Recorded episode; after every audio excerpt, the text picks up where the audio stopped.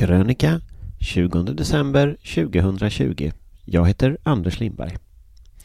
Sluta käbbla och satsa på äldres välfärd istället.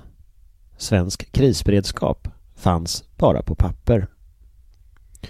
Coronakommissionens första rapport bör mötas av självkritik, inte pajkastning. Kommissionen går noggrant igenom äldreomsorgen och den bristande beredskapen. Den slår fast att Sveriges strategi att skydda de äldre har misslyckats. Vi svek de äldre och har under lång tid svikit de äldre i bred politisk samsyn. Det är nog den viktigaste slutsatsen. De litade på Sverige, att Sverige skulle finnas där och dog. Systemfelen i äldreomsorgen är kända sedan tidigare. Ett splittrat ansvar för medicinska bedömningar, privatiseringar, svältfödda organisationer och en riktigt usel personalpolitik.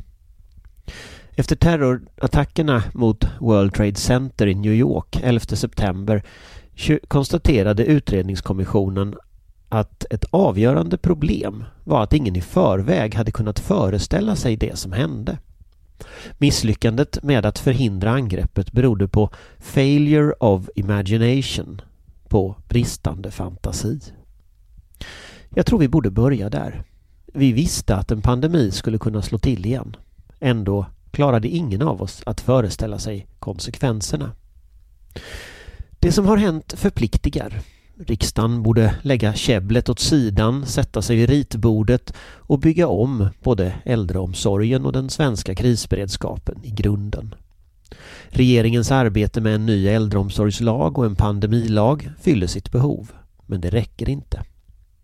Den krishanteringsmodell Sverige har med självständiga myndigheter och stort lokalt ansvar fungerade inte i en nationell civil kris. Så vad ska vi göra åt det? Tyvärr misslyckades Coronakommissionen på precis den punkt som vi och andra varnat för. Den har låtit sektorsintressenas självbild styra beskrivningen av verkligheten. Kommissionen går därmed i precis samma fälla som Folkhälsomyndigheten gick i när den trodde att vi hade fungerande äldreomsorg i Sverige. En väldigt tydlig varningssignal i rapporten är att Sveriges kommuner och regioners intresseorganisation, SKR, i praktiken inte granskas alls. SKRs retorik är alltid att det saknar makt. Det bara samordnar och bjuder in till möten. I själva verket vet alla som har arbetat med region och kommunpolitik att SKR sannolikt är den mäktigaste lobbyorganisationen i landet. Där sitter de ledande kommun och regionpolitikerna och det är där svensk välfärd i sin praktiska vardag utformas. SKRs bärande idé kan uttryckas i två principer.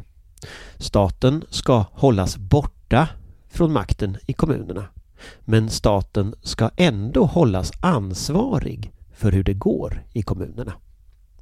Coronakommissionen har klivit i precis den fällan. Det framgår på flera punkter i rapporten. Kommissionen är opartisk mellan partierna men förvaltningspolitiskt formas rapporten till ett rungande ja till den svenska stuprörsmodellen. Alltså just den anda av att värna strukturer, pinka revir och försvara egna ansvarsområden som nu behöver förändras. Tydligast blir det i slutsatsen att regeringen enligt grundlagen styr riket och att nuvarande och tidigare regeringar därför är ansvariga för bristerna i äldreomsorgen. Sveriges ledande professor i statsvetenskap, Bo Rothstein, kommenterade detta i SVTs Morgonstudion. Det är klart att regeringen har ett ansvar för det här misslyckandet. Men det är lite konstigt att lägga huvudansvaret på regeringen när kommissionen faktiskt säger att ansvaret för vård och omsorg kvarstår oförändrat hos regioner och kommuner även i en sån här krissituation. Slutcitat. Att regeringen styr riket är nämligen inte det enda som står i grundlagen. Där framgår även att vi har ett kommunalt och regionalt självstyre, att våra myndigheter är självständiga och att den offentliga makten ska utövas under lagarna.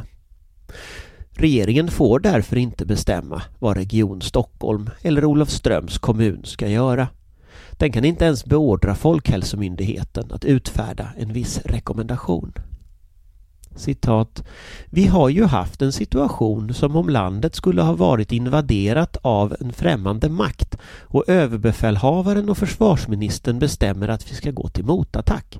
Men regementschefer och flottans ledning säger vi har inte riktigt klara eller vi har inte lust att göra det nu eller vi har inte tränat tillräckligt och så vidare. Så kan man inte ha det i en kris, säger Bo Rothstein. Detta vet självklart Coronakommissionen. Resonemanget om regeringens ansvar är teoretiskt. Det står ju att regeringen styr riket. Alltså är den ansvarig. Om något land är världsmästare i formalism och failure of imagination så är det nog vi. Som den brittiske författaren P.G. Woodhouse uttryckte saken i boken The Small Bachelor från 1927. Du ogillar svenskar? Ja, sir. Varför? Deras huvuden är för fyrkantiga, sir. Slutcitat. Så vad bör göras? En lösning vore att reformera svensk krishantering så att den utgår från de verkliga hot och risker vi står inför snarare än från stuprören. Personligen tror jag exempelvis att det kommunala självstyret och myndigheternas självständighet till viss del borde tas bort vid stora kriser. Krisledningen bör vara samlad hos en myndighet, förslagsvis hos MSB, direkt under regeringen. Vi bör införa en möjlighet för riksdagen att besluta om undantagstillstånd, en fredstida form av höjd beredskap där regeringen ges större befogenheter. Att som nu låta 21 regioner, nästan 300 kommuner och en handfull nationella myndigheter bedriva egen coronapolitik, delvis skild från regeringens, blir absurt. Jag tror även statsrådens personliga maktbefogenheter borde diskuterats. Idag får Lena Hallengren frågor om hon bör avgå, trots att hon faktiskt inte har fått bestämma över äldreomsorgen i kommunerna, eller ens över Socialstyrelsen och Folkhälsomyndigheten. En bättre lösning vore sannolikt att införa ministerstyre vid kriser. Då blir beslutsvägarna snabba och ansvaret tydligt. Vi må ha hamnat här på grund av failure of imagination. Men efter snart ett år då verkligheten hunnit ikapp finns rimligen ingenting att skylla på.